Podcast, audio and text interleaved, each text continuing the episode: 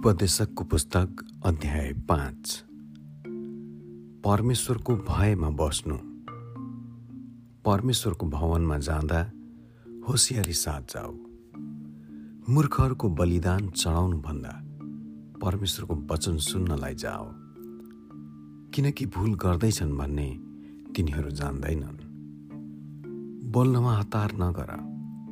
परमेश्वरको अघि केही कुरा बोल्न तिम्रो मनमा आतुरी नगर। परमेश्वर स्वर्गमा हुनुहुन्छ र तिमी संसारमा छौ। यसै कारण तिम्रो वचन थोरै होस्। जसरी धेरै चिन्ताले सपना हुन्छ त्यसरी नै धेरै शब्दहरूमा मूर्खका बोली हुन्छन्।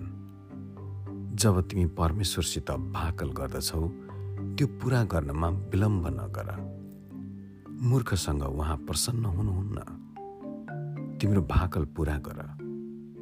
भाकल गरेर पनि पुरा नगर्नुभन्दा त भाकल नगरेको अझ असल हो। तिम्रो आफ्नो बोलीले तिमीलाई पाप गर्न नलगाओस्। अनि मन्दिरको समाचार वाहकलाई मेरो भाकल त फुल भएको थियो भनी प्रतिवाद नगर। तिमीले बोलेका कुरासँग परमेश्वर रिसाएर तिम्रो हातको कामलाई नाश गर्ने किन?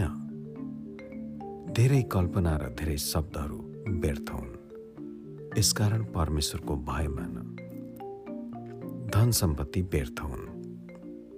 यदि तिमीले एउटा जिल्लामा गरिबहरूको अत्याचार भएको र तिनीहरूको न्याय र हक इन्कार भएको देख्यौ भने अचम्म नमान। किनभने हरेक अधिकारीमाथि अझ ठुलो अधिकारी खटाइएको हुन्छ र तिसभन्दा अझै ठुला अधिकारीहरूले तिनीहरूमाथि हेरविचार गर्दछन्। जमिनबाट उब्जिएका सबैले लिन्छन्। राजा स्वयंले खेतबाटै लाभ उठाउँछन्। जसले रुपैयाँ पैसाको माया गर्छ त्यसलाई रुपैयाँ पैसाले कहिल्यै पुग्दैन।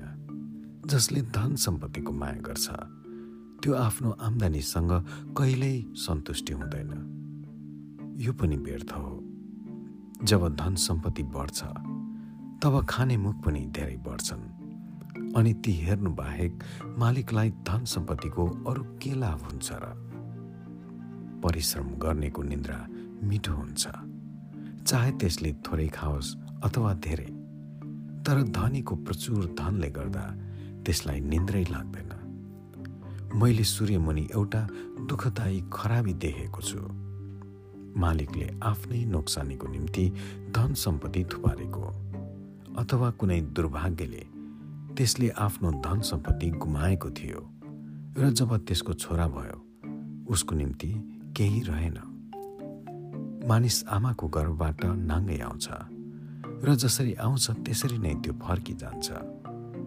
त्यसले आफ्नो वरि परिश्रमबाट आफ्नो हातमा लान सक्ने केही लैजाँदैन।